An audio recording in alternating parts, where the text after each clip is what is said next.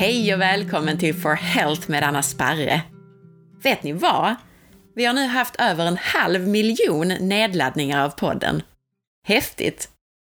Och tack för att ni lyssnar. Så många och så flitigt. Idag ska vi prata hormoner, hormonkaos, förklimakterie och klimakterie med ingen mindre än Mia Lundin.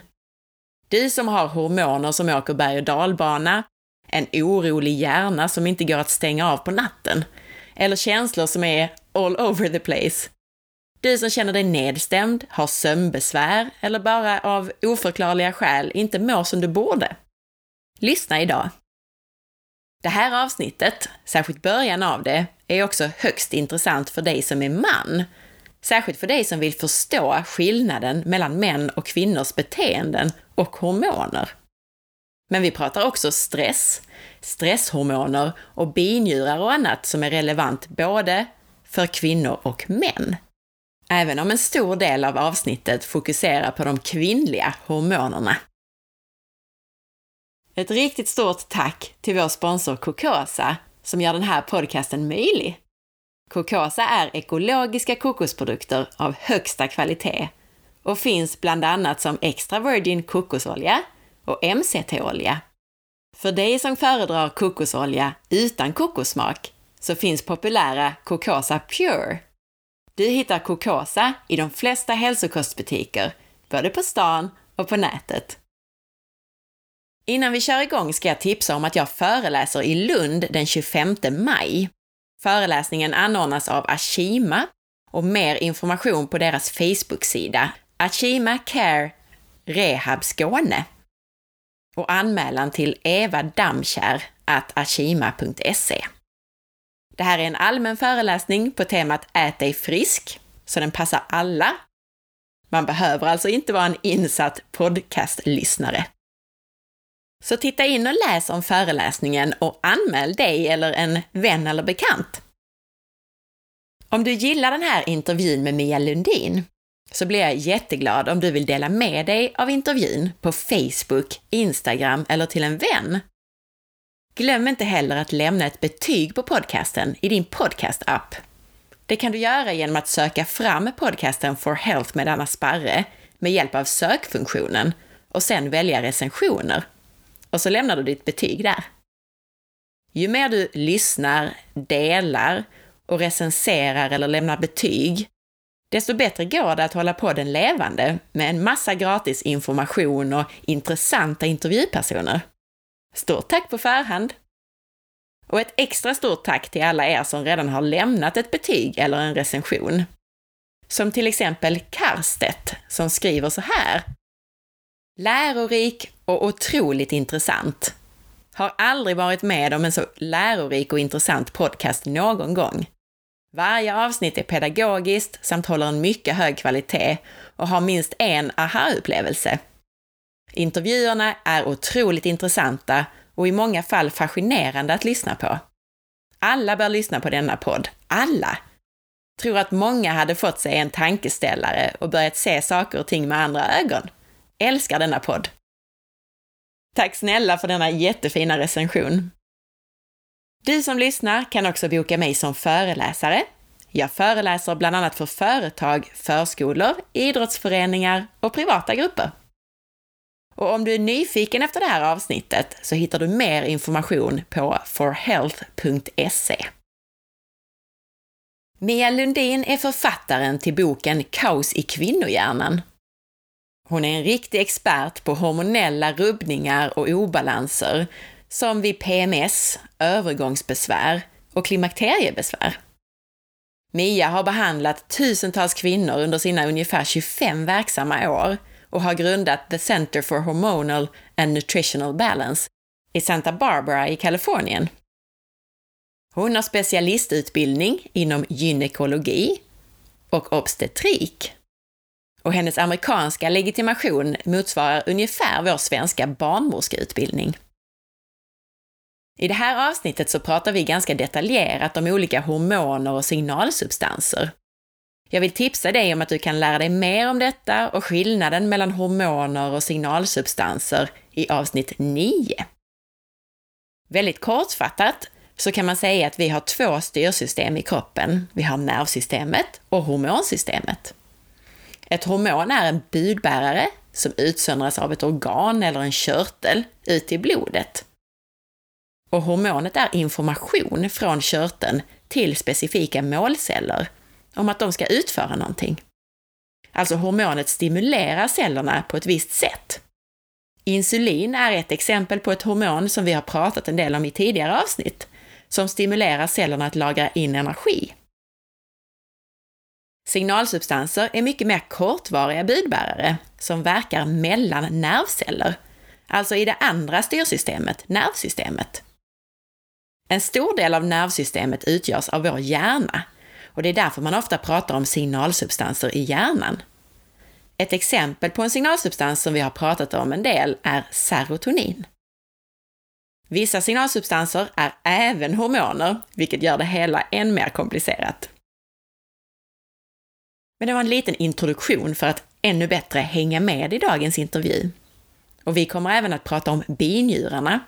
I avsnitt 4 så pratar jag ingående om stress och binjurarna. Men ljudkvaliteten är lite sämre i det här avsnittet, för det är ett av de första tidigare avsnitten.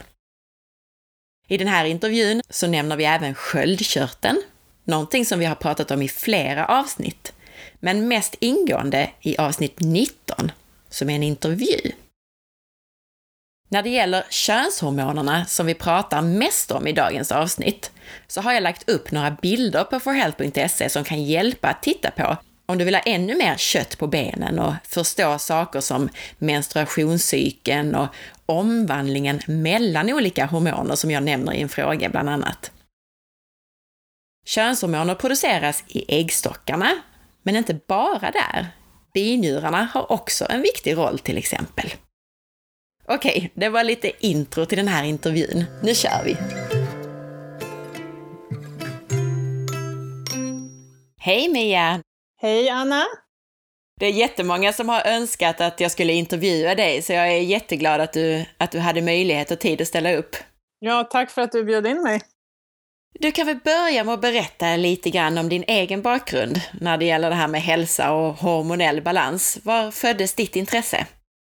Ja, det är ganska intressant för att uh, jag var ju sjuksköterska här i Sverige då, hade, var ensamstående mamma, hade en sexårig son och tyckte att det här, eh, bara jobba, jobba här och inte veta att man får guldklockan när man går i pension, det var inte min grej utan jag ville ut och se världen. Så jag åkte iväg till USA med honom i ena handen och en resväska i den andra och började jobba som sjuksköterska i USA. Och uh, var väldigt stark och, och, tuff och allt det här och visste egentligen inte vad oro eller ångest eller något sånt var. Men efter mitt andra barn, jag träffade min man, min andra man där i USA och fick två barn. Efter andra barnet så fick jag en väldigt hemsk förlossningsdepression. Och eh, började då titta på det här, vad, varför blir vi kvinnor, varför mår vi dåligt, vad är sambandet mellan hjärnkemin och kvinnliga hormoner? Och det var då, eh, efter att jag tillfrisknade efter det här som jag verkligen började söka efter svar. Och jag kan berätta mycket mer om det om du vill, men um, uh, just så började det, att jag gick igenom någonting själv och det är ofta så det blir, att uh, det, är så, det är det som skapar ett intresse. Mm. Vi har fått frågor om alla möjliga områden, så att om vi hinner i slutet så pratar vi lite mer om, om just det, eh, ja. alltså den hormonella förändringen efter en förlossning och din egen upplevelse. Men jag tänkte att vi skulle i huvudsak fokusera på förklimakteriet och klimakteriet. Det finns ju så jättemycket att prata om när det gäller hormoner och hormonella rubbningar. Absolut. Du utbildade dig vidare i USA också, eller hur, hur gjorde du? Mm, ja, så jag var sjuksköterska då när jag kom dit och sen så vidareutbildade jag mig till någonting som heter Nurse Practitioner. Och i USA får man som Nurse Practitioner um, diagnostisera, ordinera prover, eh, undersöka och skriva ut mediciner och hormoner. Så efter um, jag tror det var 7-8 år, så öppnade min egen um, praktik eller center som hette The Center for Hormonal and Nutritional Balance som jag drev och som jag jobbar i. Och uh, uh, det var jag, gjorde jag i 17 år och stängde den praktiken i maj 2014. Då hade jag 4 000 patienter. Oj! Mycket erfarenhet här idag då. Ja. Ska vi rulla in lite grann på det här med förklimakteriet och klimakteriet? Vi kan väl börja med att berätta hur en normal hormonell cykel ser ut för en ung frisk kvinna. Alltså hur stiger och sjunker könshormonerna över månaden? Jo, um, om man då inte är stressad och man tar hand, man äter bra och man får god näring och mår ganska bra, då har man en väldigt delikat hormonell uh, kurva som händer varje månad. Varje månad förbereder ju du dig på att bli gravid och uh, att ett ägg ska implantera i, i, i, i slemhinnan i livmodern. Så att det börjar då med att östrogenet börjar stiga och sen mitt i cykeln blir östrogenet ganska högt och sen så sjunker det lite grann igen och sen kommer det upp igen i andra delen av menscykeln och så sjunker det igen precis innan mensen. För att du ska kunna producera det andra hormonet, progesteron, så måste du ha ägglossning då mitt i cykeln och där ägget kommer ifrån bildar man något som heter en gulkropp. Och från den gulkroppen så kommer progesteronet. Och progesteronet då eh, utsöndras de sista två veckorna av cykeln. Eh, och sen om man inte blir gravid, då sjunker det och så får man mens. Sen mitt i cykeln också så har man en sån här spike av testosteron. Och testosteron det är ju ehm, ett hormon som påverkar ens intresse i att ha sex. Och det är ganska intressant att det händer då precis innan ägglossningen. För annars skulle vi säkert eh, hitta på andra saker att göra just runt den tiden. Du vet hur vi är kvinnor, vi har vår lista som vi måste fixa först. Medan mm. männen då har högst testosteron givetvis uh, hela cykeln, för det skulle finnas en chans då att vi skulle bli intresserade. Så det, den, man, jag har en sån här slide när jag gör föredrag och då, man ritar ut den här kurvan, den är väldigt komplex och sen har man FSH och LH i mitten där också som har en spike så det ser ju krångligt och oroligt ut med alla hormoner och sen har man har jag en slide som visar männen då och de har en rak kurva för testosteron som är högt och en rak, ett rakt streck för FSH. Så de då mår likadant varje dag medan vi kvinnor, uh, som vi ska prata om sen, hur hormonerna påverkar signalsubstanserna, då kan man ju se att uh, vi är lite grann på en berg och dalbana i normal cykel också. Det där kan vara lite svårt för män att förstå. Hoppas att många män lyssnar här idag då. Ja. För att sammanfatta det här, de här sista kombinationerna som du sa för lyssnarna då, FSH och sådär, det är ju de som kommer från hjärnan, eller hur? De och som, som stimulerar äggstockarna och, och producerar sina hormoner. Precis, så i hjärnan sitter hypotalamus som pratar med hypofysen och sen hypofysen då i hjärnan är, känner efter, det är vår hormonella dirigent som inte bara sitter där och känner efter hur sköldkörteln, hur äggstockarna och binjurarna eh, producerar sina hormoner men också om de inte producerar tillräckligt så skickar den då ett meddelande till dem att nu, nu, du, nu får du producera lite mer. Nu behöver, du lite, behöver jag kicka dig lite här så du sätter igång. Så att det här systemet är ju otroligt känsligt. Så att stress påverkar det här väldigt mycket, vilket vi kommer att prata om. Att det är väldigt, väldigt, man måste vara väldigt, det är ett väldigt delikat um, samarbete och feedback system mellan då äggstockarna och hjärnan. Kan man förenklat säga att vi har mest östrogen under första halvan av menscykeln, mest testosteron i mitten och mest progesteron i slutet av menscykeln? Ja, mest eh, östrogen har du i mitten av cykeln. Mm, precis. Berätta, vad är det som börjar hända med oss kvinnor i våra kroppar? Ibland så tidigt som i 35-årsåldern, men kanske allra mest 10-20 år senare. Vad händer egentligen då? Mm. Det är att den här delikata hormonella balansen blir rubbad och det vanligaste orsaken till det är stress. Om vi då kvinnor skulle sitta på en strand i Bali och, och, simma i vattnet och få maten serverad och leka med barnen, ha lite sex med mannen och allmänt lugnt och skönt, då skulle inte vi ha några hormonella problem förrän man kommer in i, i klimakteriet, då skulle det inte vara några förändringar. Man skulle inte se några förändringar, man skulle, mm, mensen skulle sakta men säkert försvinna. Men vad som händer um, i dagens samhälle är inte riktigt som på Bali precis och därför så påverkas vi av stressen och hormonerna blir, förlåt, blir oreg, oregelbundna. För att kroppen är väldigt finurlig, den försöker att bevara dig. Och är det så att kroppen känner att nu är det svälta och nöd och krig, nu är det inte läge för en graviditet då är det den här hypofysen igen som känner efter, som är så känslig, den stänger av det här meddelandet, signalen, som den skickar till äggstockarna. Och därför har du inte ägglossning som du brukade. Så under stress så har du mindre ägglossning och därför har du inte lika mycket progesteron som du har normalt. Det blir en liten sån här blipp bara istället för en ordentlig kurva. Och då mår alltså kvinnor, då börjar man känna att nu är det någonting som inte är som det brukar vara. Och det som händer först, den första förändringen som händer då, ofta runt 35-årsåldern, är just att progesteronet sjunker. Man börjar känna av att uh, jag mår inte så bra innan mensen här, blir grinig, irriterad, ont i huvudet, um, ont i brösten um, och uh, så fort mensen börjar så mår du bättre igen. Och det är vad jag kallar den, den första fasen, eller egentligen den första fasen som jag kallar i min bok, det är när vi har normal mens. Men den andra fasen, det är just den här PMS-fasen. Och ju mer stress du har, ju mer PMS får du.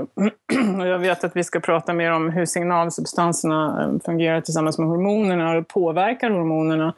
Men då är det den första symptomet, eller förändringen som händer. Och sen om du fortsätter det där och då går man in i något som kallas för klimakteriet. Då fortsätter man att ha de här symptomen innan mensen och man kanske känner sig fortfarande lika irriterad och kanske orolig, kanske huvudvärk, sömnsvårigheter. Men när mensen börjar sen, då känner du inte sådär äh, att man uh, turn off a switch som man gjorde i PMS-fasen, utan man känner sig då istället under mensen trött och låg och deprimerad och kanske huvudvärk. Och sen så i den här förklimakteriefasen också så börjar man se förändringar i mensen, hur, att man har en tendens att blöda mer, tyngre mens, klumpar i mensen, och också att mensen ofta kommer lite för tidigt, kanske dag 21, 24, 25 istället för dag 28. Och den här förändringen från normal mens till klimakteriet, där man då kommer in i klimakteriet och då sjunker både, då har man ingen ägglossning längre och då sjunker både östrogen och progesteron för nu har man inga ägg längre. Ehm, den, den fasen den här förändringen den kan ta 10 till 15 år där kvinnor lider och inte mår bra för att de här hormonella rubbningarna har, tagit, har, har börjat. Och det, i Sverige finns inte så mycket hjälp för det. Det är ingen som riktigt förstår det där. Man kanske får p-piller för att mm, få en regelbunden mens och det mår de flesta kvinnorna inte alls bra på utan det hormonet som man då får som finns i p-pillerna, speciellt det här syntetiska progesteronet, orsakar många gånger mer PMS. Och du sa att i den här fasen som du kallade, alltså den andra fasen efter den normala cykeln som du kallar PMS-fasen, då var det progesteronet som dalar och sen långt senare i klimakteriet så var det både progesteron och östrogen. Men den här mittenfasen som vi kallar för förklimakteriet, vad, vad händer med hormonerna där? Mm, bra fråga. Uh, då, då är östrogenet högt och um, väldigt oregelbundet. Det, uh, om man ser det på en sån här, om man tittar på den normala menstruationscykeln först och hormonerna, då är det väldigt så här uh, lika varje månad och sen när man kommer in i förklimakteriet då är östrogenet högt och som på en berg och dalbana. Man vet inte riktigt, riktigt hur man ska må från ena dagen till den andra. Och östrogen är man blir då vad man kallar östrogendominant. Och östrogenet är en väldigt stimulerande äh, hormon. Så det stimulerar och fokuserar medan progesteronet är ett väldigt lugnande hormon. Så du kan se om du har för mycket av gaspedal och för lite av bromspedal att man kan bli lite crazy. Mm. Eller känna mm. sig crazy ska man väl säga. Och du sa ju också innan att vi kvinnor, vi tillverkar ju också testosteron. Mm. Och vad händer med testosteronet under de här åren? Ja, en del i förklimakteriet kan få högt testosteron så att de har världens um, sexlust. Medan andra inte blir så påverkade och jag vet faktiskt inte riktigt varför. Många gånger kan det bero på um, PCOS, vilket vi kanske hinner prata med mer om. Men eh, jag har sett det eh, ofta att kvinnor eh, nästan är störda av den här ökade sexlusten just innan man går in i klimakteriet, när man då är i förklimakteriet. Vad är det annars för symptom som man upplever under de här åren, alltså från 35-årsåldern och fram? Du nämnde humörsvängningar och lite grann kring sömnen, men, men berätta mer. Ja, det är lite olika beroende vilken eh, fas man är i, men just då i PMS-fasen och förklimakteriet, då är det där eh, ångest, oro, rusande hjärna, kan inte sova, orolig, eh, nervös, hjärtat bultar ehm, huvudvärk och då ofta innan mensen. Men sen när du kommer in i klimakteriet, då är det en helt annan um, grej som händer. Då mår man, då känner man sig låg och omotiverad och liksom har inte lust med någonting längre och man har en klump i halsen som känns som man vill börja gråta. Om man tittar på reklamen på tv och börjar gråta för sånt som man tidigare kanske tyckte var väldigt löjligt. Nu är det väldigt allvarligt. Man har ingen lust att ha tjejerna hem på middag längre. Där jag till jobbet. Jag stannar hellre i pyjamasen. Eh, man är inte deprimerad, deprimerad nödvändigtvis, men man har inte den där fokus, motivation och livsgnistan som man kanske har haft tidigare. Och en del blir fruktansvärt deprimerade. Du nämnde stress lite som hastigast här, men hur kommer det sig egentligen att en del får problem så tidigt? Alltså, för en del så kommer besvären i klimakteriet i 50-årsåldern, men en del får ju besvär, som sagt, redan i 35-40-årsåldern. Och det har ju att göra då med serotoninet. Uh, serotonin är en signalsubstans som inte finns bara i hjärnan, i hela, den finns i hela kroppen. Och när man har tillräckligt med serotonin så känner man sig lugn och harmonisk och känner sig trygg i världen. Och man har ett tjockare filter runt omkring sig och man har en stubin som är ganska lång. Men om du tänker att du har en serotoninslask, det låter inte så sexigt men serotoninslask i hjärnan som då har en kran där du sakta droppar in mer serotonin så har du ett avlopp där nere där det sakta åker ut och förhoppningsvis åker lika mycket in som åker ut. Men under stress så minskar, använder vi upp det här serotoninet så serotoninet sjunker till en nivå där man känner sig, kroppen, ditt nervsystem, det känns för, som om du är, eh, springer från en tiger eller det står tio tigrar och morrar bredvid dig och då är det inte läge att bli gravid. Som jag sa, då, då slutar den här signalen att komma från hjärnan till, till äggstockarna. Så att eh, den här fina balansen och feedbacksystemet funkar inte längre. Och det är ett sätt att skydda dig egentligen. För att Eh, det är, ju, det är inte så bra att springa och vara gravid samtidigt. Springa från tigern och vara gravid samtidigt. Så att stress påverkar ju det här väldigt mycket samtidigt som vad du stoppar i munnen också. Man måste ju ge kroppen vad den behöver för att kunna tillverka hormoner. Och eh, kanske även viktigare att man inte äter sånt som blockerar hormonerna. Vi äter ju också saker som p-piller och fytoöstrogener och eh, kemikalier som liknar våra östrogener till exempel. Är det också saker som påverkar det här tror du? Absolut.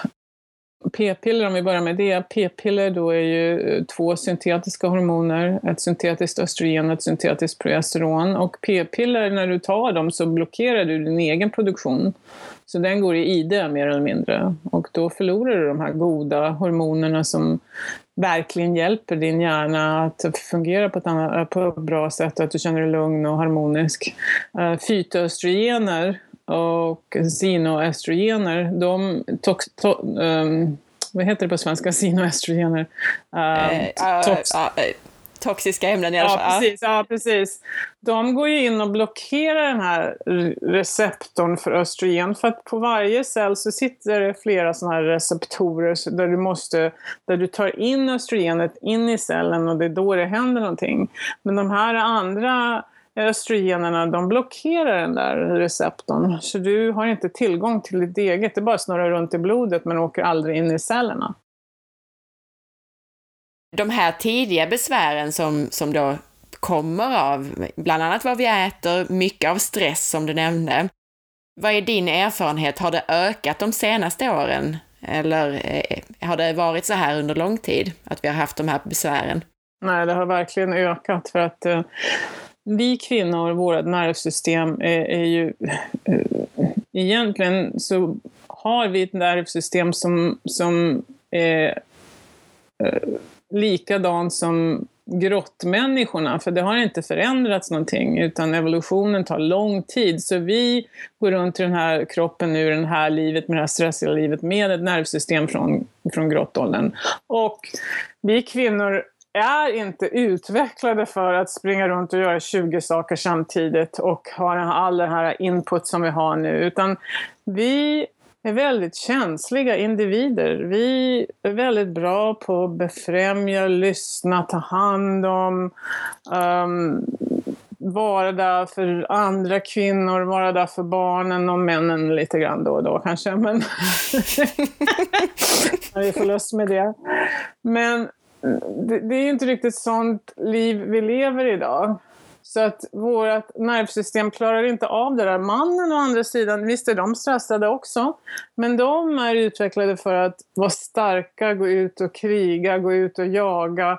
Men det är inte vi, men det är nästan så vi är där ute och krigar och jagar idag. Och det påverkar oss på ett annat sätt än vad det påverkar mannen. Sen är det ju så också att män, mäns Eh, hjärnor är väldigt annorlunda än kvinnors som, som säkert många har upptäckt. Och nu sitter vi i en liten låda som heter hem, en man och en kvinna. Vi har tappat den där kontakten med andra kvinnor som är så viktig. Och männen, de, um, som ett exempel, kvinnor älskar att prata med varandra. Vi tycker om det, vi mår bra då. Det finns en biokemisk anledning till att vi vill prata, för då går oxytocinet upp, samma hormon som när vi ammar. Vi vill lugna, östrogenet fungerar bättre, åh det där känns bra. Mannen å andra sidan, han vill inte prata och det vet han intuitivt för då blockerar oxytocinet hans testosteron och det är det sista han vill. Så han vill gå in i grottan när han är stressad och vi vill prata. Så vi är väldigt olika både när det kommer till hur vi fungerar, hur vi tänker och uh, det här med hur vi klarar av stressen generellt sagt. Jätteintressant. Kan vi summera det här första lite grann? För jag tänker om vi kan summera, vilka symptom får man normalt sett om man har ett lågt progesteron? Vad ger det för symptom? Ja, progesteronet är ju lugnande. Progesteronet binder till samma receptorer i hjärnan som bensodiazepiner som um, stesolid, valium, um, alkohol. Så att när vi inte har tillräckligt av det, då känner vi oss oroliga. Speciellt om östrogenet då är högt. Så då blir man lätt irriterad, orolig och um, stubinen blir kortare och filtret runt omkring dig blir tunnare så att säga. Ett lågt östrogen då, vad ger det för symptom? Ja, då är det klumpen i halsen och gråten och kan inte fokusera och eh, känner sig låg och omotiverad. Eh, vallningar kanske, men vallningar kommer också ofta i förklimakteriet från det där östrogenet som åker berg och dalbana upp och ner. Det är nästan vanligare att ha vallningar då. Och det betyder inte att östrogenet är lågt, utan det betyder att det åker upp och ner. Så fort det åker ner så får du en vallning. För att det är inte hormonet i sig själv som orsakar vallningen utan det är hur hormonet påverkar signalsubstanserna. Händer det någon gång att man har ett normalt progesteron men ett lågt östrogen? Um, det är ganska omöjligt för att, för att du ska kunna ha en bra ägglossning krävs också att du har ett normalt östrogen innan ägglossningen. Och du måste ha ägglossning för att ha ett normalt progesteron, så det är väldigt ovanligt. Jag tror inte ens att det är möjligt. Nu kom vi ju in också på det här med kopplingen mellan hormonerna och signalsubstanserna i hjärnan. Hur påverkas signalsubstanserna av ett lågt progesteron? Progesteronet binder till, som jag sa, GABA-receptorerna i hjärnan, den här lugnande um, signalsubstansen GABA. Men också så hjälper um, progesteronet serotoninreceptorerna att vara mer mottagliga och känsliga. Så att progesteronet hjälper både serotoninet och GABAn. Både det lugnande och det här må bra-substansen eh, ja, serotonin? Precis. Östrogen då, hur påverkas signalsubstanserna av ett lågt eller som du sa fluktuerande östrogen? Ja, östrogenet eh, påverkar och ökar både dopamin och serotonin.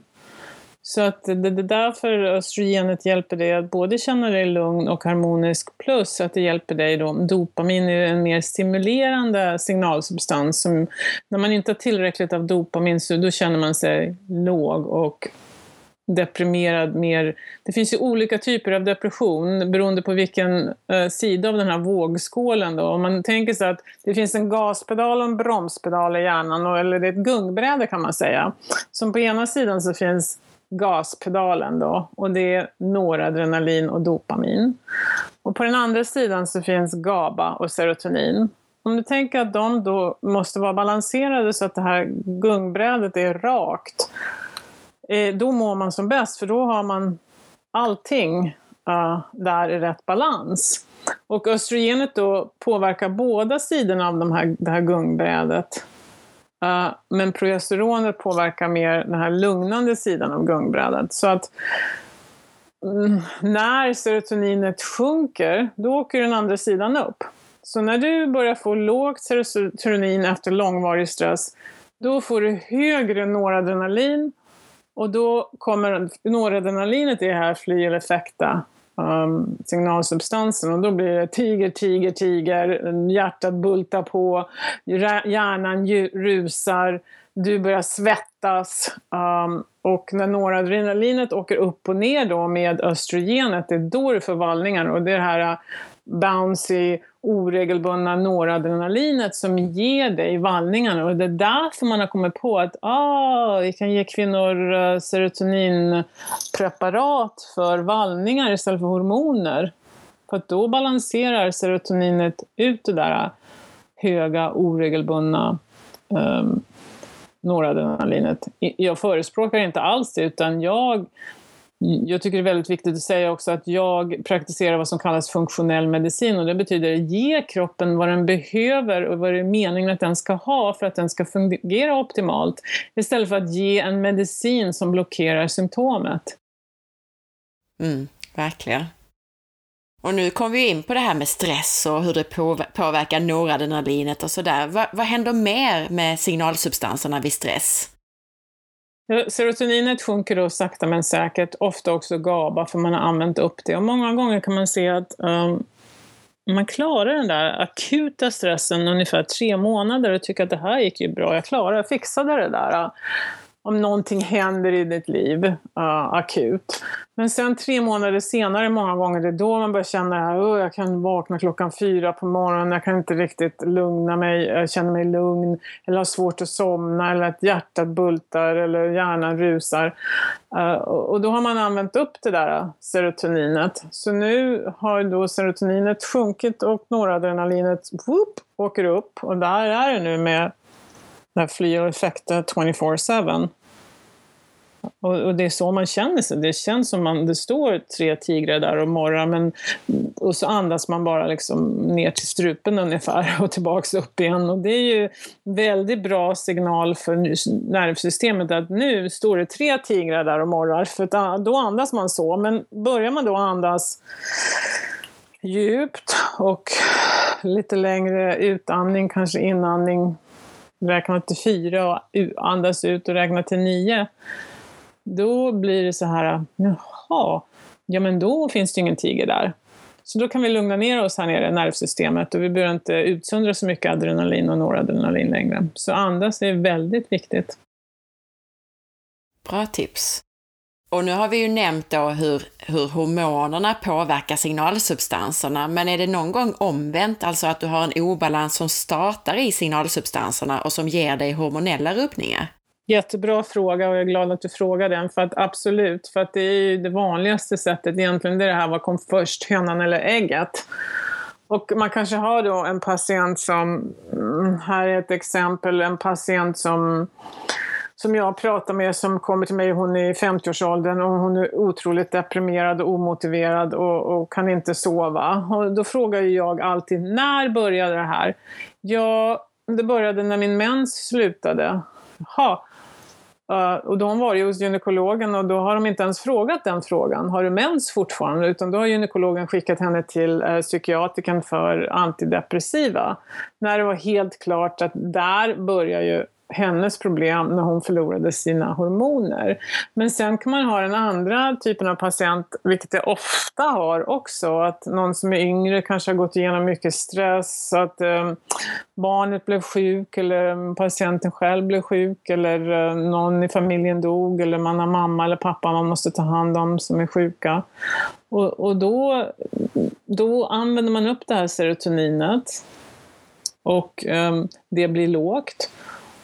Och då kommer det här med att hypofysen inte fungerar riktigt som den ska längre och skickar inte de rätta signalerna. Så nu får du som slutresultat obalanser i funktionen, den hormonella produktionen av dina äggstockar från stress. Och många gånger kan man också bli um, inslängd i klimakteriet för tidigt för när man har gått igenom stora stressfaktorer. Man kanske skulle ha gått igenom det när man var 50 men nu hamnar man där när man är 45 istället och kom, det kommer inte tillbaks. Mm. Så absolut. Jag tänkte det var bra att du kom in här på några verkliga scenarier. Jag tänkte vi ska prata om några till, några scenarier ja. till och kanske hitta någon möjlig förklaring på vad de kan betyda rent hormonellt och, och med signalsubstanser och sådär. Vad kan ha hänt med hormonerna och signalsubstanserna om man till exempel vaknar mitt i natten med hög puls? Ja, då är det ju um, ofta man gör, jag gör ju prover då där um, man gör en kombination, man ska kolla binjurarna, vilket vi kanske kommer till också, men om jag, man, man ska kolla då signalsubstanserna så finns det urinprov man kan göra. Det finns inte i Sverige, men det finns på min hemsida. Och det har jag använt i min praktik ehm, um, 15 år. Uh, och just det här labbet också. Och om man då mäter signalsubstanserna hos en sån kvinna så ser man ofta då ett lågt serotonin och ett högt noradrenalin. För att hon har stressat eh, lite för länge utan att vila och serotoninet är nu uttömt och där mm, finns nu noradrenalinet helt fritt upp och ner och högt. Och därför vaknar hon mitt i natten med den här höga pulsen för att eh, du är, är, är alltså i fly eller fäkta mitt i natten. Det är det ditt nervsystem gör. När du ser det här i urinproven, vad brukar du göra åt det? Alltså vad gör ni åt det då? Förutom att försöka komma till rätta med stresshormon, eller stress eh, i, i livet och så, finns det någonting, behandlar du med något hormonpreparat eller någonting sånt? Ja, jag tittar ju på hela kvinnan och inte bara plockar ut en liten del av henne. Så jag vill ha reda på vad som har hänt och varför och eh, när det började och hur det började. Och mm, jag ser nästan en patient som en massa olika bubblor. Och några av de bubblorna då är kvinnohormonerna, sköldkörteln, binjurarna mag-tarmkanalen och signalsubstanserna. Så jag tänker på alla dem, för de alla påverkar varandra. Men just för henne då, då vill jag ju se um, vad orsakade stressen? Men för att börja då och hjälpa henne hitta hem igen. Man kan ju inte säga till en kvinna som är helt uppåt väggarna stressad och inte sover och har panikångest att hon ska sätta sig och meditera eller tänka positivt. Det funkar inte. Utan först måste man pussla tillbaks, pussla ihop henne igen biokemiskt. Och det är, är verkligen så himla enkelt att göra, men man gör inte det i Sverige. Och det är att alla signalsubstanser, vare sig det är gaspedal eller bromspedal typ av signalsubstanser, har en förelöpare i en aminosyra. Som för, till exempel för serotonin då så är det tryptofan. Och för dopamin och noradrenalin är det tyrosin, bland annat. Och man då ger den här kvinnan den aminosyran plus eh, cofactors såsom B-vitamin, speciellt B6 och magnesium och D-vitamin och kanske lite folsyra gör ju hela B-komplexet.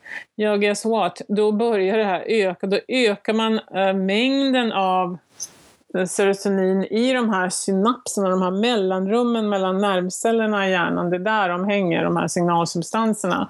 Och man kan faktiskt öka mängden av signalsubstanserna med kosttillskott. Och det är inte alls svårt. Och så om jag då ger, hjälper den här patienten, ger henne de typen av signalsubstanssupport som hon behöver, hon börjar må bättre, vi gör om den här testen kanske en månad senare. Ja, voilà, där är det med normalt serotonin. Mm. Häftigt. Ja, det, det, och det, det där har jag hållit på med 17 år. Det är helhäftigt och det är jättelätt att göra. Och den här kvinnan då som vaknar mitt i natten med hög puls, då skulle du gett henne tryptofan och sen de här cofactors som B-vitaminer och magnesium till exempel i huvudsak då? Och säkert någonting lugnande, lite GABA också så hon hittar lugnet fort. För att GABA kan man ge medans man ger det här andra som sakta men säkert ökar serotoninet. Medans kan man ge lite GABA så att hon hittar lugnet och kan sova. För sova är ju en av de allra viktigaste funktionerna. Och gör man, kan man inte sova då blir man um, utbränd snabbt. Och uh, jag använder ju mycket 5-hydroxytryptofan i min praktik. Uh, det funkar mycket bättre än tryptofanet. Det fungerar snabbare och det kommer genom um, eh, blood-brain barrier i hjärnan lättare så att det fungerar bättre. Men det får man ju inte sälja i Sverige. Och det kan vi säga till lyssnarna att det är det här mellansteget mellan tryptofan och serotonin, 5-HTP som du nämnde precis.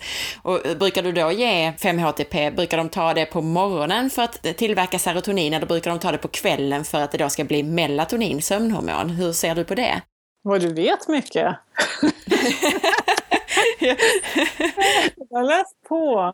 Det är inte många som vet den grejen. Jo, det är faktiskt så att de flesta Eh, Eh, be, eh, patienter be att de tar det på eftermiddagen, då, precis som du sa. För att när ljus kommer in i pupillen så Mm, konverterar då 5-HTP till serotonin. Men är det mörkt när du har gått och lagt dig så konverterar mer till melatonin.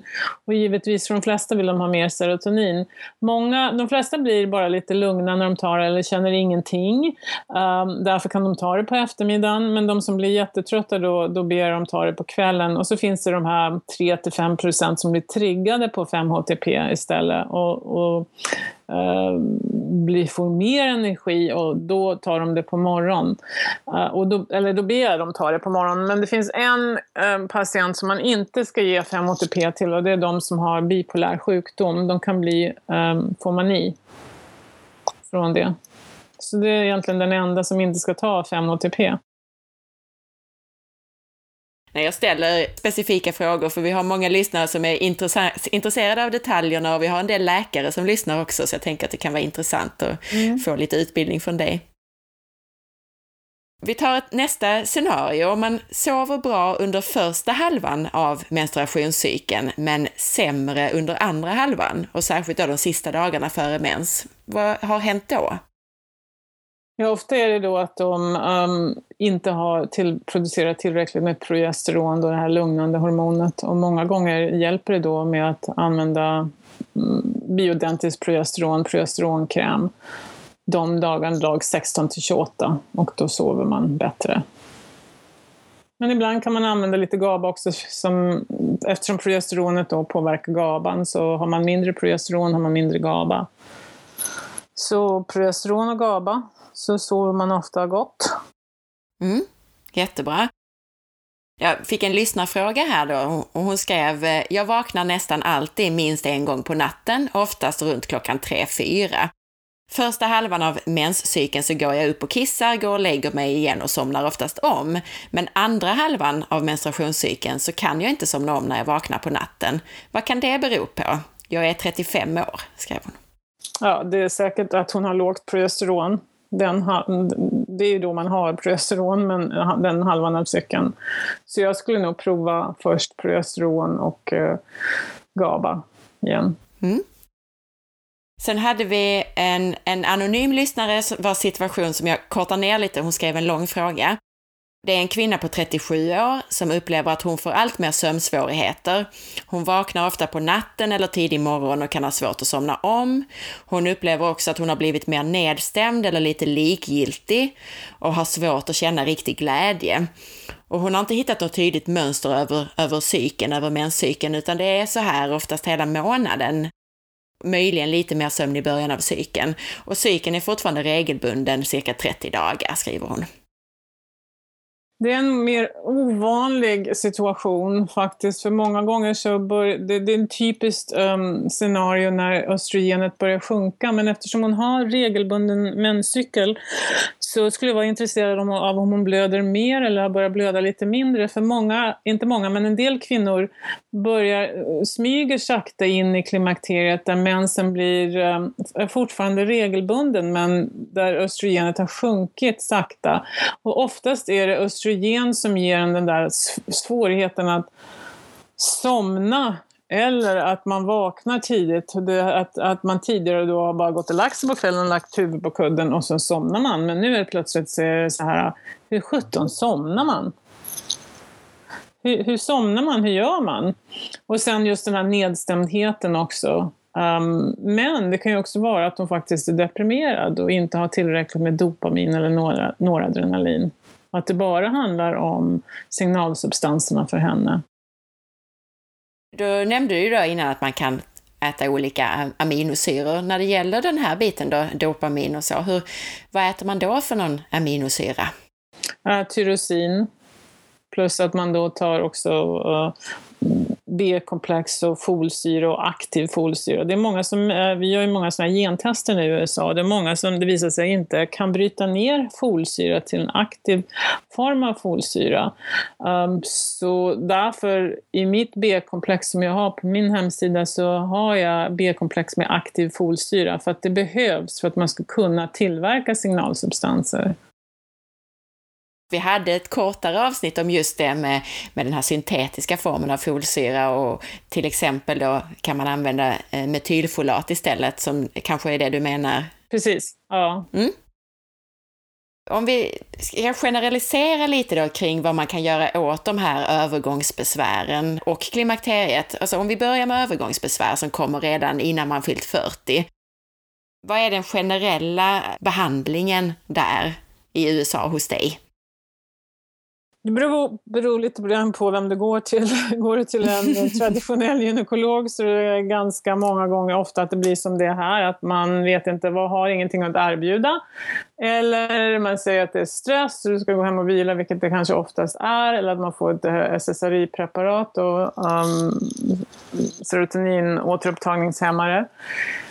Eller om man går till en naprapat som är lite annorlunda än vad naprapaterna är här. För i eh, många eh, stater så kan de förskriva hormoner eller mediciner. Och de tittar ju då istället på hela människan och jobbar mer som jag. Och då man ska tillsätta, så här säger jag, när, när man börjar, när man går från den här fasen när man har normala hormoner till man kommer in i klimakteriet så är det precis som om man simmar i en uh, ocean som är stora vågor. Man kommer upp för luft och man håller på att sjunker eh, under och man kiknar lite och får vatten i halsen och kommer upp igen. Och, och till slut så blir det uppslängt på den här varma sköna stranden då som är lugn men kanske inte så jätterolig men den är lugn och det är klimakteriet. Men varför inte istället komma in med en fallskärm till den här mjuka, fina, varma sanden och ge det rätta hormonet vid rätt tidpunkt i menscykeln vid rätt tidpunkt i den här förändringen. Så att först börja med progesteron när man är i PMS-fasen och förklimakteriet och sen när man kommer in i klimakteriet då både biodentiskt östrogen och progesteron, speciellt om man har en livmoder. Så, det beror, det, och så den hjälpen kan man ju få. I USA har du, kan du välja, där kan du gå in på vilken mataffär som helst och köpa 5-HTP om du behöver det.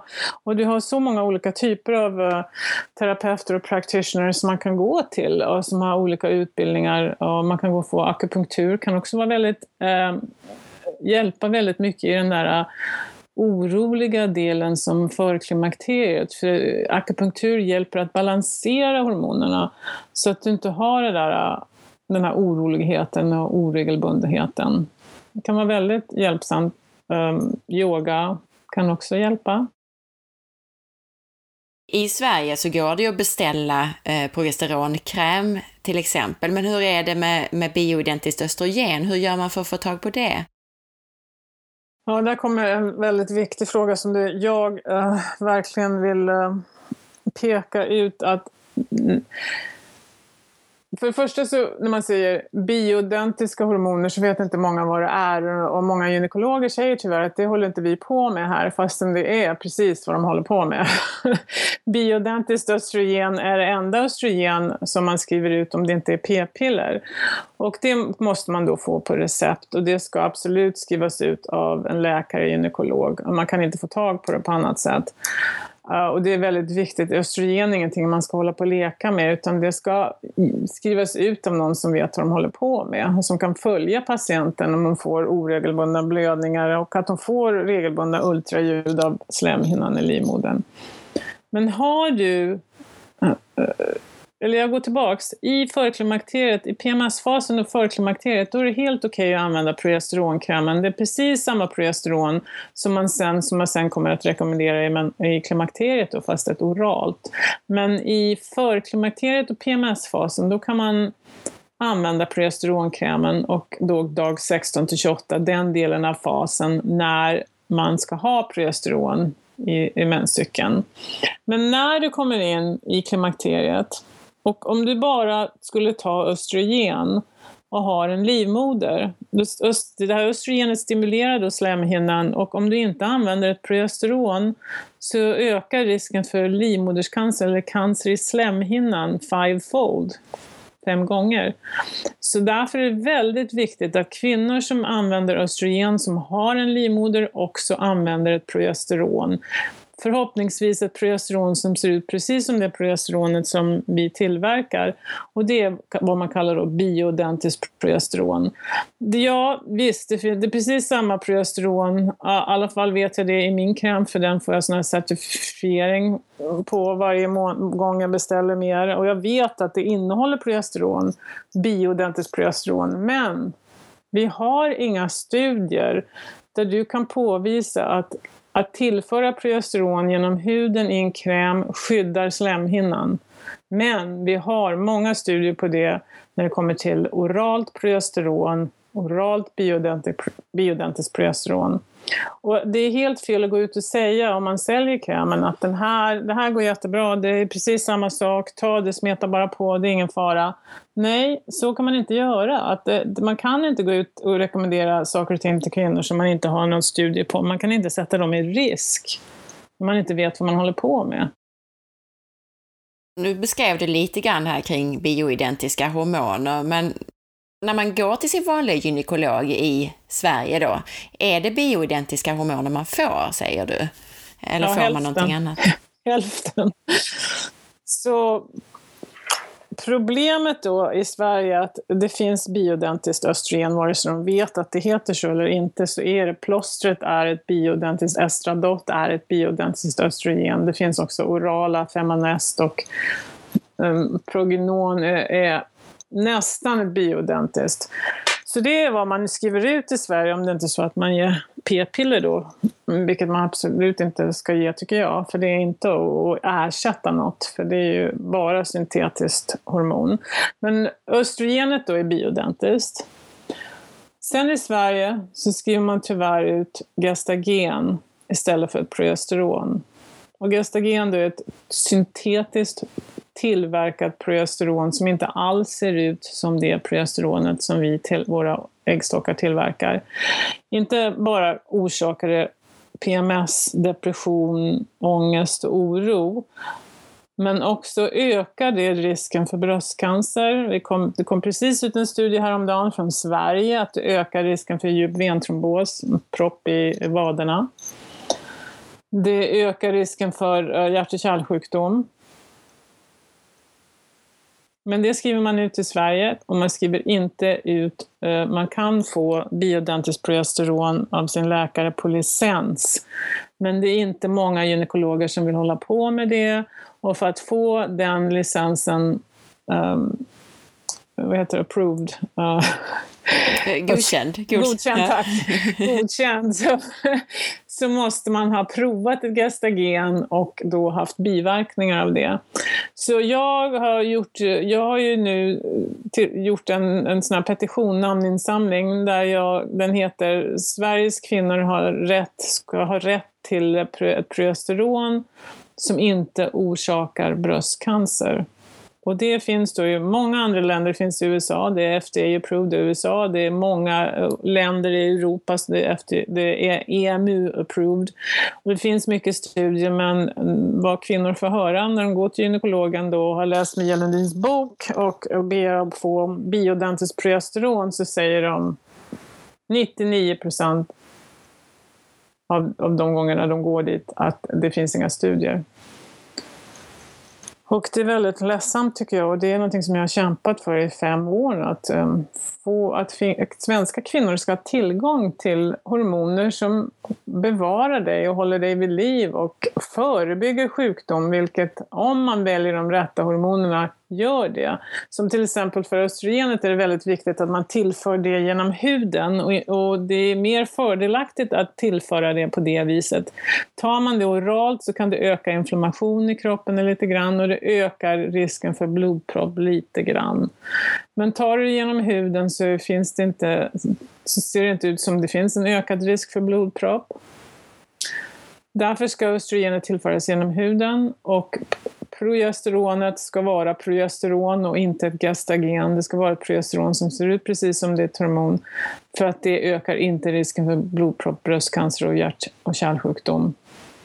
Sen är det ju så också att, att östrogen i ett nötskal kan jag säga, i ett nötskal kan jag säga efter att jag har hållit på med det här nu i 27 år, håller koll på det mesta forskning som kommer ut, kan jag säga att det är farligare de första tio åren efter klimakteriet att inte vara balanserad att, äh, än att ta hormoner. Så det är farligare att inte ta hormoner för att östrogen minskar risken för plack och hjärt och kärlsjukdom 45 till 50 procent. Och hur många av oss dör av hjärt och kärlsjukdom? Ja, nästan hälften. Precis. Medan kanske 4 procent dör av bröstcancer och nu vet vi att med ett biodentiskt östrogen och ett biodentiskt progesteron ökar du inte risken för bröstcancer. Med tanke på det här som du har sagt nu, att um vilka fördelar det har rent hälsomässigt för hjärt och kärlsjukdom och liknande. Kvinnor som faktiskt kommer till klimakteriet och går igenom klimakteriet utan några särskilda besvär, vad ska de göra? Ska de ändå ta hormoner, tycker du? Ja, den frågan får jag ibland av mina patienter och, och då tycker jag det är viktigt att titta på fördelar och nackdelar och eftersom det finns så många fördelar så måste man titta lite grann på det. Har jag hjärt och kärlsjukdom i min familj? Har jag diabetes i min familj? Um, har jag gjort en DEXA bone density scan, har jag osteoporosis eller osteopenia och början av osteoporosis, benskörhet? Um, för har jag tjocktarmscancer i min familj, för att östrogen också minskar risken i vissa studier 35 procent för tjock, tjocktarmscancer och minskar risken för Alzheimers och uh, diabetes. Så att det är inte bara frågan om hur du mår egentligen, men dit har man inte riktigt kommit till Sverige än. Att, mm, jag tycker att när man kommer till klimakteriet, då står man i ett vägskäl. Och då har man hört många olika idéer om vad som är bra och vad som är dåligt och, och ingen kan riktigt förklara någonting i hela livet har man blivit omhändertagen av barnmorskan, men nu helt plötsligt finns det ingen som hjälper dig. Du står där i ett vägskäl, du vet inte vilken väg du ska gå, ska jag ta den vägen eller den vägen? Då är det viktigt att man får gå till någon som är utbildad i klimakteriemedicin, som sätter sig ner med dig, som jag gjorde i min klinik. Jag spenderar en och en halv timme med varje ny patient. Där du sätter dig ner och lyssnar på henne, de får förklara hur hon mår, där du kan förklara varför hon mår som hon mår. Du kan tala om för henne vad är skillnaden på de olika hormonerna, vad är fördelarna, vad är nackdelarna. Du får en undersökning, komplett eh, gynundersökning med inte bara cellprov utan man känner på, på äggstockarna, man känner på livmodern, man känner på sköldkörteln, man gör bröstundersökning, lyssnar på hjärta och lungor. Uh, och sen går man tillbaka och sätter sig och pratar om, okej, okay, nu, så här, nu vet du, nu har hon fått hopp, nu har hon fått information och hon kan göra ett, ett eh, utbildat beslut själv. Men det, den, där, den där finns inte i Sverige. Det finns, barnmorskorna är inte utbildade på klimakteriemedicin. Gynekologerna är inte mycket heller. Och det är faktiskt samma i USA, att gynekologerna de har inte mycket utbildning i klimakteriemedicin. Men vi 40-talister, eller jag är lite äldre, men de kommer inte att gå för det där, utan de kommer begära att nu vill vi ha det här. vi vill ha den här informationen. Vi vill vara mm. ute i arbetslivet, vi vill känna oss pigga och alerta och fokuserade och glada och, sex, och ha lust att ha sex. Vi vill inte... Vi, vi, vill, vi vill det. Men alla, alla, det är inte för alla, men 99 procent. mm, mm. Brukar du testa hormonnivåerna innan du sätter in behandling? Ja, om man vill veta då vilken fas man är i, för ibland kan det vara lite så osäkert, är jag i förklimakteriet eller är jag i klimakteriet? Då tar man först och främst ett prov som heter FSH, eh, Fredrik Sixten Harald, plus ett östradiol, vilket är östrogenet. Det tar man dag 3 till 5 av menscykeln. Och då, eh, om ÖFSH är högt, för det ska inte vara högt då, det är bara högt mitt i cykeln, och du också ser ett lågt östrogen, då är du i klimakteriet. Så du vet du, okej, okay, nu behöver den här patienten både östrogen och progesteron. Men är det så att det är mellanläge där på FSH. Om man är i klimakteriet då är det oftast högre än 20, men är det kanske 10-12 FSH, då är det före klimakteriet och behöver bara progesteronkräm. Så att då, då vet du vart hon är. Men sen också så kanske hon är i klimakteriet. Då tycker jag man absolut, du behöver östrogen, då kommer du må bättre. Vi börjar med det här så kommer du tillbaka om en månad. Och så kommer hon tillbaka och så säger hon, mm, nej jag mår ingen, det är ingen skillnad, jag har fortfarande vallningar, kan inte somna, sover inte. Ja men då kollar man östrogennivån för att se, absorberar hon det här plåstret? För vissa kvinnor gör inte det. Huden fungerar inte på det sättet för en del kvinnor. Och där sitter hon med plåster på eh, magen men det har inte gått någonstans. Och därför har hon inte något högre östrogenvärde och mår inte bättre. Men det gör man inte i Sverige än. Utan då säger man bara, det var inte det som var fel. Och så är hon lämnad, överlämnad till sig själv.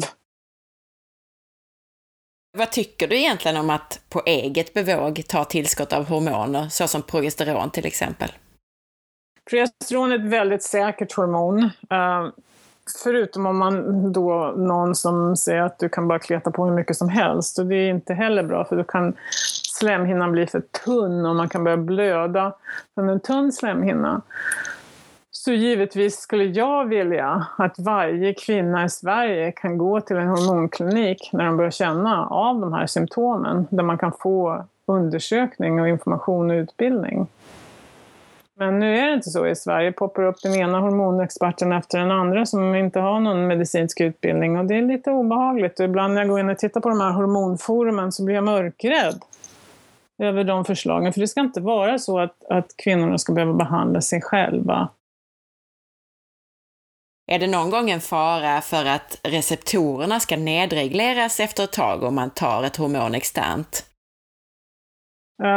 För progesteronet fungerar det inte riktigt så, för progesteronet är inte kontrollerat av mm, hypofysen. Så det var någon som frågade mig på Facebook häromdagen om det, men med alla hormoner, mer är inte bättre, utan idén är ju att komma in med tillräckligt och få upp den till en nivå där den ska vara. Men som till exempel med sköldkörtel, om man tar för mycket sköldkörtel, ja då stänger ju ens egen system, eh, motor av och eh, TSH då blir väldigt lågt för att eh, hypofysen slutar att skicka signaler för den känner att oj, oj, oj, nu är det för mycket, nu ska inte jag pusha på här. Så att absolut, man, det är en fin balans vi pratar om. Mm. Med progesteronet är det mer att tar du för mycket blir du trött och deprimerad. Och kvinnor som är i klimakteriet, jag ser det också på sådana här Facebook, eller eh, forum då på Facebook, att kvinnor vill rekommendera, eller de som säljer krämen, rekommenderar det till dem i klimakteriet också. Men kom ihåg den här balansen att östrogen stimulerar och gör, det är en antidepressiv hormon. Och progesteronet är lugnande hormon, så om du inte har endera östrogen eller progesteron, tänk hur du kan må då om du bara använder progesteron. Men en tanke där då, är det inte så att, alltså progesteron kan väl ändå omvandlas till östrogen i kroppen, är det inte så? Så borde det inte vara okej okay att ta progesteron som tillskott även om det är östrogenet som är lågt? Det är bara en, en tanke som jag ville lufta med dig. Ja, nej det fungerar inte riktigt så. Progesteronet hjälper receptorerna att vara mer känsliga för östrogen, så därför måste man ha båda. Men det fungerar inte riktigt så. Jag hade också ett par lyssnarfrågor från en lyssnare som heter Elin. Och hon undrar om förhållandet mellan östrogen och progesteron kan komma i balans genom att, att man använder progesteronsalva, så att man med tiden kan sluta använda krämen. Eller måste man fortsätta att använda progesteron resten av livet? Nej, om du då är till exempel um, i förklimakteriet och du har hamnat i förklimakteriet för du är stressad och då fungerar inte de här hormonella signalerna som de ska. Och du hamnar då i uh, östrogendominans och det är då högt östrogen och inte tillräckligt med progesteron. Så kanske du börjar då, att du kommer till mig och patient och jag ger dig vitaminer och kosttillskott och tillsätter då progesteron andra halvan av cykeln. Och nu när du tillsätter det där progesteronet, då lugnar östrogenet ner sig och blir balanserat. Och sen så började du inse att oj då, det var det där stressen, det skulle jag inte ha gjort, jag skulle ha tänkt på det, jag kanske börjar med yoga, meditation, börja äta bättre och helt plötsligt börjar du känna dig liksom deprimerad när du använder krämen. Och då betyder det att nu har ditt eget system börjat kicka in på det sättet som det ska fungera. Och när du då lägger till progesteron så blir det lite för mycket. Det finns ju olika östrogener. Vilken form av östrogen använder du i din behandling och varför? Nu blev det ett kort hack i inspelningen här, men Mia säger att vår kropp producerar tre olika östrogener. Eh, östriol, östradiol och östron. Ehm, um, E1, det är E1, E2, E3. E1 är östron, E2 estradiol och det är det som påverkar signalsubstanser och får dig att må bättre. Det är det som förebygger hjärt och kärlsjukdom och alla de där goda effekterna. Östriol E3 är väldigt svagt hormon mm, och det är väldigt bra att använda för till exempel torr slida. Um, så Ovesterin är östriol som finns på apoteket och det fungerar jättebra för slidan och blåsan så att eh, man inte behöver springa på toaletten hela tiden och att det inte gör ont när man har sex. Men jag använder, i USA använder man ibland vad som kallas biestrogen, att man använder både Eh, e E2 och E3, en kapsel. Och som jag sa tidigare så gillar jag inte mm, oralt östrogen så därför håller jag inte på med det så mycket för att jag tycker inte att eh, östrogenet E3, östriol, påverkar dig så mycket men det funkar jättebra mm, lokalt.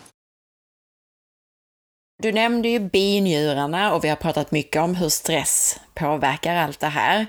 Eh, när stress är en stor del av problemet, behandlar du någon gång med binjurehormoner? Alltså det finns ju till exempel ett hormon som heter DHEA som produceras av binjurarna. Är det någonting som du använder dig av? Ja, under initial stress då så producerar binjurarna höga värden av kortisol och DHEA. Och fortsätter stressen så börjar då DHEA och kortisolet sakta men säkert börja sjunka. Anledningen till det, vilket man inte riktigt kanske har förstått eh, här, är att eh, vad som händer är när du stressar, stressar, stressar så sjunker det där serotoninet. Och när serotoninet har sjunkit till en viss nivå, då somnar den där hormonella dirigenten hypofysen. Så när serotoninet har sjunkit till en viss nivå så skickar inte hypofysen signalerna, precis som den inte skickar signalerna till äggstockarna eller till sköldkörteln, så skickar den inte tillräckligt med signaler till binjurarna heller. Och binjurarna, de är två små valnötsstora körtlar som sitter ovanpå njurarna och de har ingen aning, de har ingen egen hjärna. De har ingen aning vad de ska göra om de inte får signalen uppifrån. Så de sitter där och väntar mer eller mindre. Och får de inte signalen så producerar de inget kortisol heller. Och väldigt lite av det. Så vad som händer då många gånger är att den här kvinnan, hon först och främst har serotonin, eh, hon låg serotonin och mår dåligt och orolig och inte sover och allt det där eh, rusande hjärna från det. Sen med, efter ett par månader med långvarig stress så börjar hon då känna sig att åh gud, jag orkar inte längre. Och vakna vaknar på morgonen, det känns som jag inte har sovit, jag orkar inte gå upp. Hon känner sig omotiverad, hon har yrsel, hon har hjärndimma, hon blir lätt sjuk, hon får lätt allergier. Jo, för nu, nu mår hon dåligt också, inte bara av lågt serotonin men också från lågt kortisol. Så att jag går alltid till varför hände det där? Vad var det som gjorde att hon hamnade i den där stresssituationen som hon använde upp serotoninet? Tillbaks med serotoninet, hitta andra vägar, sänk ribban, vila, sov och du är trött för att du är trött och kroppen har gjort det här. Det här hela systemet är utvecklad för att du ska gå och lägga dig och sova så du inte orkar gå upp längre. För hade inte vi det här systemet då skulle du fortsätta tills du fick en, en ett stroke eller hjärtinfarkt. Men det här är sån här äh, protective mechanism som kroppen har. Oh, nu drar vi ut pluggen för vad heter binjurarna. För hon hör, lyssnar ju inte. Hon går inte och lägger sig och sover fast hon är alldeles äh, stressad. Så nu ser vi till att hon lägger sig och sover. Så ofta så säger jag att den första fasen när du är utmattad och när du har låg binjurehormon är vila, andas, ät rätt, gå inte på gymmet, kanske gå på yoga, ta dina serotoninsupport som de har fått av mig. And guess what? The underline så börjar de där binjurarna producera kortisol igen. För att jag vad som händer också när inte kortisolet finns längre, då, då är det många gånger det andra hormonet, eller det tredje hormonet, eller de producerar även fler hormoner i binjurarna, adrenalinet som blir utsöndrat. Så när du, inte har till, när du är i den där utmattningsfasen och du blir stressad, då försöker binjurarna, då släpper vi ut någonting, ja då släpper man ut adrenalin istället. Så att ge sådana här binjurextrakt när man är i den där första fasen, det är ju som att bromsa och gasa samtidigt. För i binjureextrakt då har du alla hormonerna. Du har adrenalin och du har kortisol. Du vill inte ha adrenalinet nu. Du behöver vila och sova. Och många gånger kommer då binjurarna tillbaks av sig själv. Så det du säger är egentligen att om vi bara pratar tillskottsbiten så är det bättre att ta 5-HTP eller, trypt eller tryptofan då än att ta några binjurehormoner Absolut. För att du ska, man kan inte gasa och bromsa samtidigt. Om hon, första fasen är vila, du kommer känna dig trött, kanske trött fortfarande, men du kommer känna dig lugn. Du är inte wired and tired samtidigt, utan du måste hitta lugnet, du måste kunna sova, du måste kunna andas, du måste eh, äta små täta mål så blodsockret håller sig konstant, blodsockernivån. Och precis, så man behandlar binjurarna med att öka serotoninet. Om vi bara pratar hormonell hälsa generellt, vad, vad, är de vanligaste felen som kvinnor gör eh, om man ser på det rent hormonellt? Alltså skulle man kunna påverka sin hälsa och undvika övergångsbesvär och klimakteriebesvär? Går det överhuvudtaget? Ja, alltså det kom, jag har ju skrivit en ny bok som heter Mat för hormonell balans som kommer ut i augusti.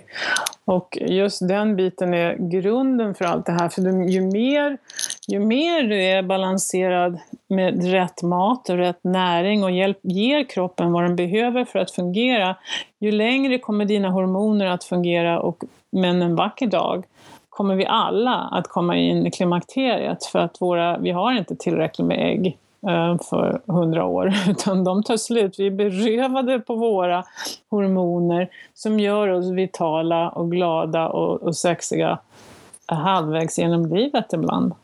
Det, och det finns, ingen, det, finns ingen, det finns inget sätt att ändra på det. Men man, ju mer du är balanserad i de här andra bubblorna jag pratade om, ju mindre besvär kommer du att ha. Jag har ju vävt in en del lyssnarfrågor här under eh, den här intervjun, men det kom några ytterligare lyssnarfrågor. Jag tror vi hinner med ett par av dem i alla fall. Okej. Okay. Och då var det en lyssnare som heter Josefin som för det första skrev att det är helt fantastiskt att du ska intervjua Mia. Mm. och så sa hon, snälla fråga henne om PCOS. Jag har inte träffat på någon inom svensk sjukvård som har bra koll på detta. Och hon undrar om man verkligen inte kan komma till rätta med detta syndrom på något annat sätt än att tvingas äta vanliga p-piller. Ja, det är sorgligt. Um... PCOS börjar eh, nästan alltid med lågt serotonin. Men vad som händer är att du är stressad, eller du kanske var född med lågt serotonin, du har aldrig riktigt mått bra. Och du, när serotoninet är lågt, då är man väldigt sugen på socker. Så då stoppar man i snabba kolhydrater och socker i mun för att det känns som man mår lite bättre när man äter det. Och vad som händer då är att man, kroppen känner ju efter att oj, oj, oj, nu är blodsockret för högt i kroppen och bukspottkörteln börjar då producera insulin. Insulinet eh, sjuntar då ut blodsockret från blodet en, en, out in the tissue. Så vad som händer då är att eh, man fortsätter att äta, man har fortfarande låg serotonin, man har fortfarande sockersuget, så du äter, mer, fort, äter socker och insulinet och bukspottkörteln bukspottkörteln kämpar på hela tiden. Till slut då så Eh, fungerar inte det där systemet riktigt. Uh, kroppen känner inte igen insulinet längre. Receptorerna känner det sådär, ah, okej okay, det har vi sett förut, liksom whatever. Mm, du, vi lyssnar inte på det längre, insulinet. Och så blodsockret börjar sakta men säkert stiga och då är det så man utvecklar insulinresistens och diabetes om man inte är försiktig. Men med det, med insulinresistensen så kommer då onormala hormoner. Ofta vad man ser då är ett högt, ett högt testosteron och ett högt DHEA. Och det orsakar då hårväxt på ställen kanske där man inte vill ha hårväxt som kvinna, akne och övervikt och att brösten blir större och magen blir större. Så problemet börjar där borta med serotoninet och stressen igen. Så om man kan bara höja serotoninet, känna sig lugn och uh, det låter nästan som en sån papegoja, serotonin, serotonin, serotonin nu, men det är faktiskt så det är och det får man inte behandla i Sverige. Uh, då om man verkligen fokuserar på det, känner sig bättre, har inte så sötsug, så nu kan man faktiskt gå och äta den där maten som hon säkert mycket väl vet att hon ska äta och, eller mer vad hon inte ska äta. För att nu mår hon bra och kan följa en sån typ av um, kost. Då normaliseras det här uh, onormala testosteronet och DHEA Um, hårväxten minskar och aknen försvinner och hon börjar gå ner i vikt. Många gånger lägga till andra då kosttillskott som fiskolja och uh, uh, alfa-lipoic acid, nu kommer jag inte ihåg vad det heter på svenska. Um, jo, ALA, ja precis. ALA, ja precis. Och B-vitaminer och D-vitamin. Men um, ibland också, uh, många av de här kvinnorna har oregelbunden mens och också lägger till progesteronkräm dag 16 till 28. Tills de börjar komma tillbaka och blir normal av sig själv hormonellt och då tar man bort den. Jättebra, det var ett jätte... Blev hon nu nöjd med det här svaret? Ja, jag hoppas det. Nu har du ju nämnt det här med vikten av att äta bra mat. Din, din egen mat, vad äter du en vanlig dag? Vad har du ätit idag till exempel?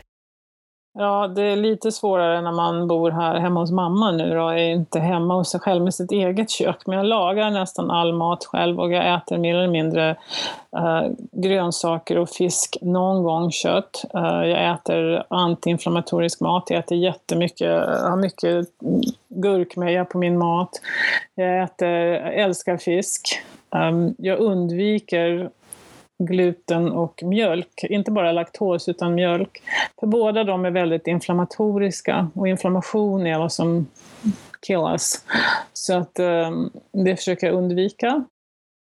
Ät inte så mycket mjöl och sånt, inte ens glutenfritt. För glutenfritt, um, allting glutenfritt har mycket socker i. Och jag äter inte socker heller, jag lägger inte till socker.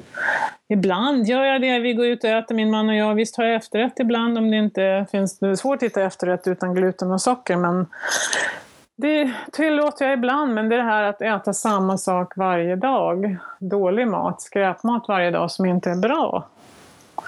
Men jag är inte perfekt, utan ibland så vill jag ha det, men jag mår inte bra. I USA är allting GMO också. Du nämnde ju lite grann i början där om din egen bakgrund och eh, det som hände efter förlossningen. Hinner du kort berätta lite om det också? Vad som kan hända så? Jo, när man är gravid då har man ju jättehöga hormoner, då, både progesteron och östrogen. Och eh, eh efter förlossningen då så sjunker de här hormonerna ner till noll nästan. Och många då som inte har tillräcklig balans i signalsubstanserna kan ju se att det man mår dåligt av är ju att de sjunker också då. För att eh, och, vad jag vill också komma ihåg att säga är att under en normal menscykel, varför man mår olika under olika faser av menscykeln har att göra med hur eh, dina hormoner påverkar signalsubstanserna. Så om du skulle ha något högt serotonin så skulle du aldrig känna av en, en menscykel där nere under det. För att du har tillräckligt, du är inte så, vad heter det, du är inte så beroende av hormonerna som håller signalsubstanserna uppe, för det är uppe i alla fall och du känner inte av det. Men efter då när man har fött barn och man kanske hade lite taskig nivå där av signalsubstanser och serotonin, och här whoop, försvinner alla hormoner och då blir det akut. En del får ju psykos. Jag fick inte det utan jag blev väldigt, väldigt orolig, fick världens panikattacker och ångest och um, kunde inte sova och usch, det var hemskt. Och jag visste inte vad det var en gång. Jag gick till doktorn och trodde jag hade något fel på hjärtat för det bara kom som såna här rusningar i kroppen.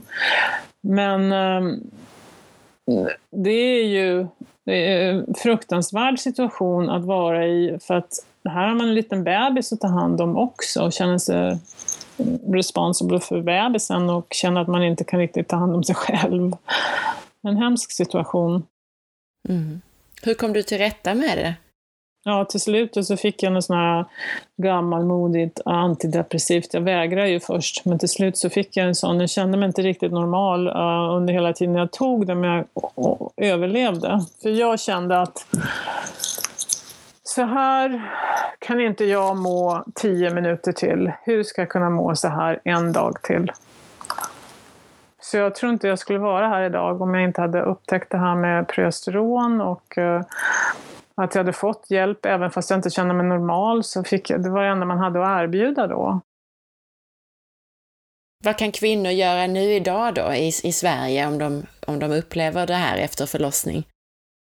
Ja, helst vore, bäst vore om man kunde gå till barnmorskan och få förklaring och hjälp, men om inte det finns så kan man använda progesteronkrämen. För Kräm och progesteron påverkar inte mjölkproduktionen. Så man kan prova det om man har den typen av depression, vilket det oftast är, den här agitated som jag hade då med ångest och oro. Uh, absolut prova progesteron och se om du mår bättre. Men också sök hjälp och support, det är väldigt viktigt. Jag hade ingen support där heller. Jag var i USA, hade, min familj var här, mina vänner var här, min man jobbade. Så det är väldigt viktigt att ha den supporten också. Du har nämnt dina böcker, framförallt att du har en ny på gång.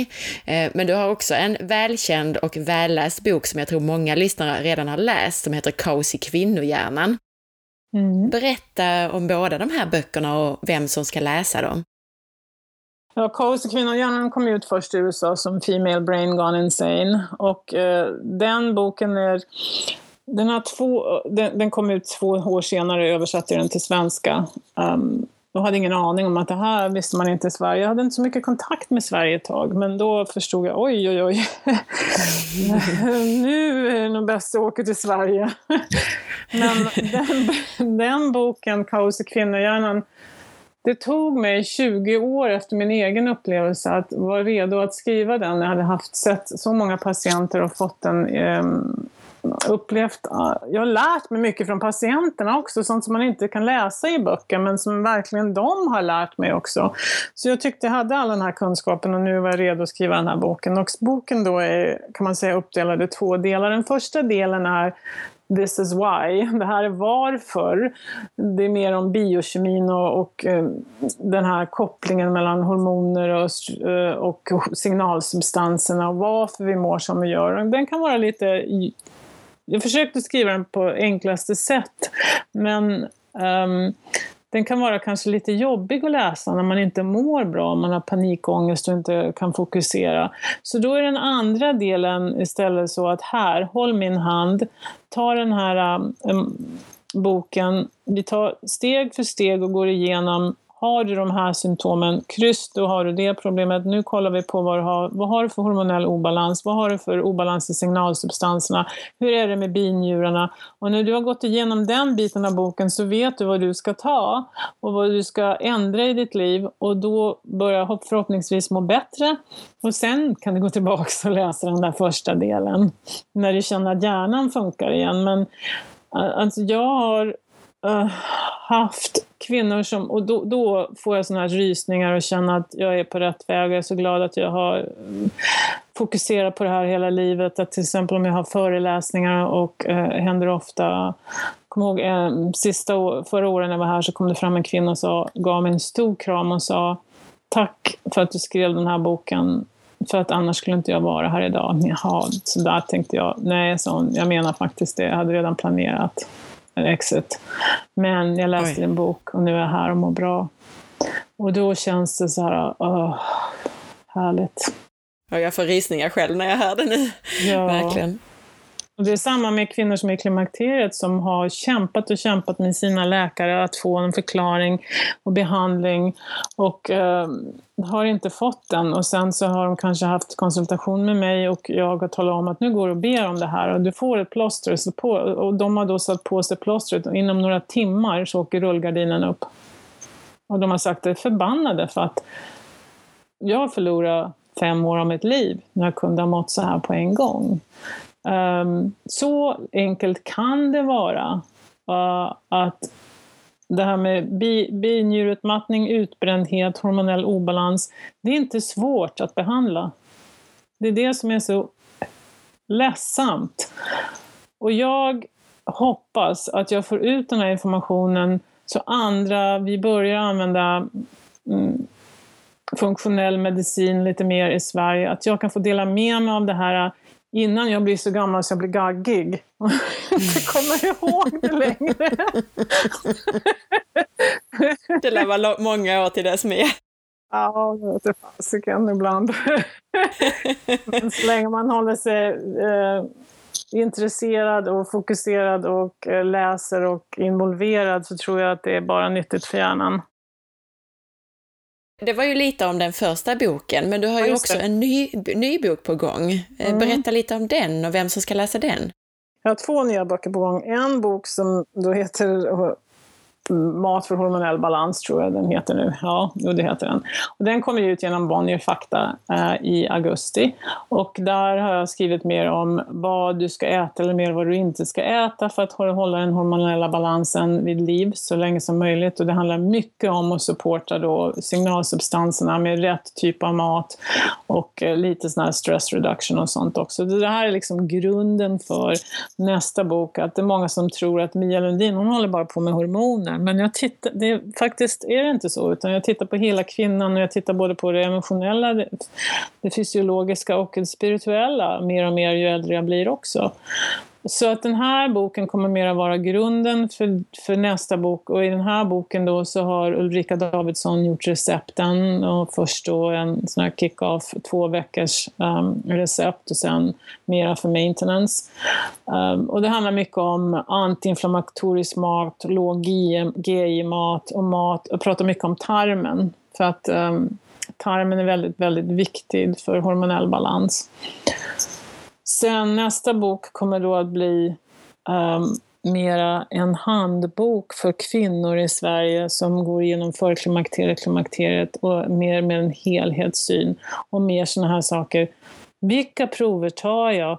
Vilk, vad är det för skillnad på hormoner och hormoner? Vad heter de? Ska jag blöda hela livet eller ska jag ha män? Ska jag ta hormonprogesteronet varje dag eller ska jag ta det cykliskt? Um, Ska man ta progesteron när man är i klimakteriet eller ska man ta båda? Sådana där frågor som jag har samlat på mig, som jag har en hel hög av och som också finns på min hemsida, det heter FAQ, där finns många frågor och svar också. Men den blir mer en handbok som jag också hoppas att vissa läkare kommer att vara intresserade av. En som är absolut grundad på evidens och erfarenhet. Och så nämnde du din hemsida, vad är adressen till den? Den är mialundin.se, eller då min shop är mialundinshop.shop.se. Um, och där kan man då hitta svar på många frågor, uh, har många, en flik som heter forskning där man kan titta på vad det finns för forskning. Jag heter, har en som heter FAQs där du hittar frågor och svar. En annan uh, en blogg där jag skriver olika bloggar om vad är biodentiskt och inte, vilka biodentiska hormoner finns i Sverige, uh, vad är det för skillnad på krämer och krämer av progesteron, är de alla samma eller inte? Mycket information där. Eh, plus då om mig, vem jag är och vad jag har gjort och när jag gör föredrag och sen också eh, ett ställe där du kan klicka på och beställa mitt nyhetsbrev så du vet när jag kommer till Sverige nästa gång. Jag skulle föreläsa, eh, föreläste igår kväll på Amazonas, ehm, Bröstcancerföreningen i, i Stockholm och nästa vecka ska jag föreläsa i Göteborg och Malmö uh, och veckan därefter i Stockholm. jag tror Stockholm är fullt, jag tror 200, 250 personer i Stockholm redan. Men Göteborg och Malmö är fortfarande öppet och det kan man också hitta på min hemsida. Mm. Kan vara så, det är ju en viss fördröjning innan, innan avsnittet kommer ut, så det kan vara att du redan har hunnit med någon av de här ja. föreläsningarna. Och skriv på min, min namninsamling också. Just det, uh, den tänkte jag fråga om. Var hittar man den? Den hittar du under fliken blogg hittar du namninsamlingen. Och på Facebook. Jättebra. Och det var den här namninsamlingen för att vi ska få tillgång till bioidentiskt oralt progesteron. Precis. Jättebra. Är det någonting som du tycker vi har missat att prata om idag? Ja du, jag skulle kunna sitta här en hel dag och prata om det här. Men det får bli nästa gång, kanske. Ja, jag kände, också, jag kände också att det var så mycket jag ville fråga om eh, och det ja. har strömmat in lyssnarfrågor på alla möjliga områden, men vi har hållit på här i nästan en och en halv timme nu. Oj, det har gått så fort.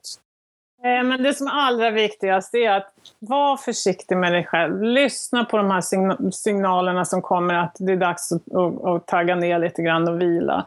Se den här röda flaggan som viftar i bakgrunden och hitta ett sätt att ta hand om dig. För att kvinnor i 30-40-årsåldern, vi är så eh, inriktade på att ta hand om alla andra och glömmer bort oss själva. Om någon frågar er, vad får ditt hjärta att sjunga? Ja du, det har jag faktiskt inte tänkt på. För att, ja, bra fråga. Jag vet inte, men eh, ta tid för er själva. Skaffa, om ni har barn, skaffa barnvakt ibland. Gå ut och njut. Var med andra kvinnor. Ha, um, träffa era bästa kompisar och prata så ni ökar oxytocinet. Diskbänken behöver inte vara ren och det behöver inte vara nya gardiner i, i, i, i köket. Uh, sådana där saker som inte egentligen är så viktiga i längden. Utan tagga ner, sänk ribban, andas, var med folk, var med familjen, var med barnen, var med kompisar. Och uh, det behöver inte vara så perfekt hela tiden. Det är ingen som tackar dig när du är trött och uh, utsliten. Tusen tack för den eh, fina sammanfattningen också. Mm, tack. Och tack snälla för all den här informationen. Jag, och du är jättevälkommen tillbaka om du, om du vill och prata om fler ämnen och, och ännu mer om det här. Absolut, jag gör gärna det för att ju mer jag kan sprida den här informationen ju bättre är det och bättre mår jag. Och, och tack Anna för att du bjöd in mig och eh, du är väldigt utbildad själv hör jag och det är jättekul att bli intervjuad av någon som vet lite också. Så tack! Med de lovande orden och en förhoppning om att fantastiska Mia Lundin snart gör oss sällskap här i podden igen avslutar vi för idag. Tack för att du lyssnade och jag hoppas att du gillade den här intervjun. Gjorde du det, så dela med dig av avsnittet, dela på Facebook, tipsa en vän och sprid Mias klokskaper så att fler får ta del av dem. Missa inte heller att följa med på facebook.com forhealth.se och på Instagram via signaturen asparre. Gå som sagt gärna in i iTunes eller i din app i mobilen och lämna betyg eller recension. Och titta gärna in på bloggen på forhealth.se. Ha en härlig dag så hörs vi snart igen. Hej då!